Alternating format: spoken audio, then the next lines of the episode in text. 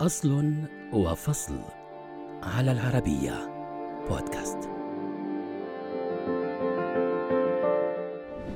تغيير المحطات التلفزيونية، رفع أو تخفيض حرارة المكيف، إغلاق أبواب أو فتحها، إطفاء أجهزة أو تشغيلها، كل ذلك وأكثر بات ممكناً بفضل اختراع أجهزة التحكم عن بعد، التي مكنت الإنسان من التحكم في الأجهزة والمعدات مهما بلغ حجمها أو تعقيدها، دون أن يستخدم ساعدة، فكيف حدث ذلك؟ يعود اختراع أول جهاز تحكم عن بعد لعام 1898 واستخدم حينها للتحكم في حركة القوارب حيث أضاف نيكولا تسلا لقارب مصغر هوائيا معدنيا يمكنه استقبال تردد موجات الراديو لتعمل بدورها على تغيير إعدادات الدفة والمروحة وبالتالي التحكم بحركة القارب. لم ينجح الاختراع عمليا لكنه شكل مقدمة لفكرة التحكم عن بعد. في عام 1903 قدم ليوناردو توريس جهاز التليكينو الذي يعمل بالموجات الكهرومغناطيسية. استخدمه توريس اولا للتحكم في دراجة ثلاثية العجلات ثم في قارب يعمل بمحرك وكذلك حاول من خلاله التحكم في غواصة.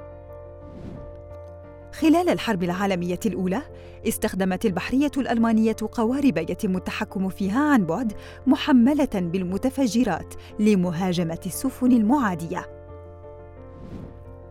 شهدت الثلاثينيات ظهور أجهزة التحكم عن بعد لأجهزة الراديو وفي عام 1932 تم إطلاق أول طائرة تعمل بالتحكم عن بعد كما استخدمت أجهزة التحكم عن بعد بالحرب العالمية الثانية لمجموعة من التطبيقات.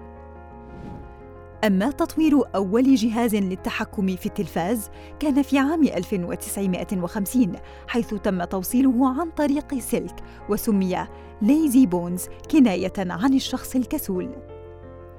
كانت هناك محاولات عدة لاحقاً إلى أن جاء روبرت أدلر بجهاز النقر اللاسلكي في عام 1956 وسمي كذلك لاعتماده التردد فوق الصوتي.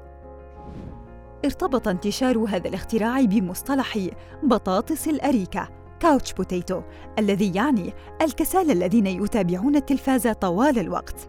وفي عام 1980 أنتج بول ريفناك محول تلفزيون مع جهاز تحكم بالأشعة تحت الحمراء وبلغ ثمنه آنذاك نحو 190 دولارا كنديا كما بيع منه أكثر من مليون جهاز.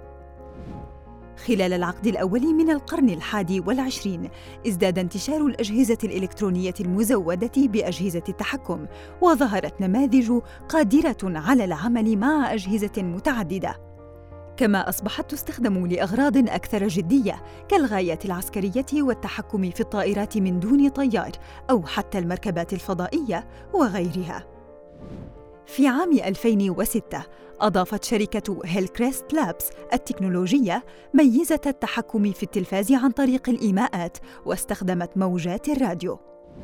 اليوم أصبح بإمكان الهواتف الذكية العمل كأجهزة تحكم عن بعد، ولا يزال العالم بانتظار المزيد من هذه التقنية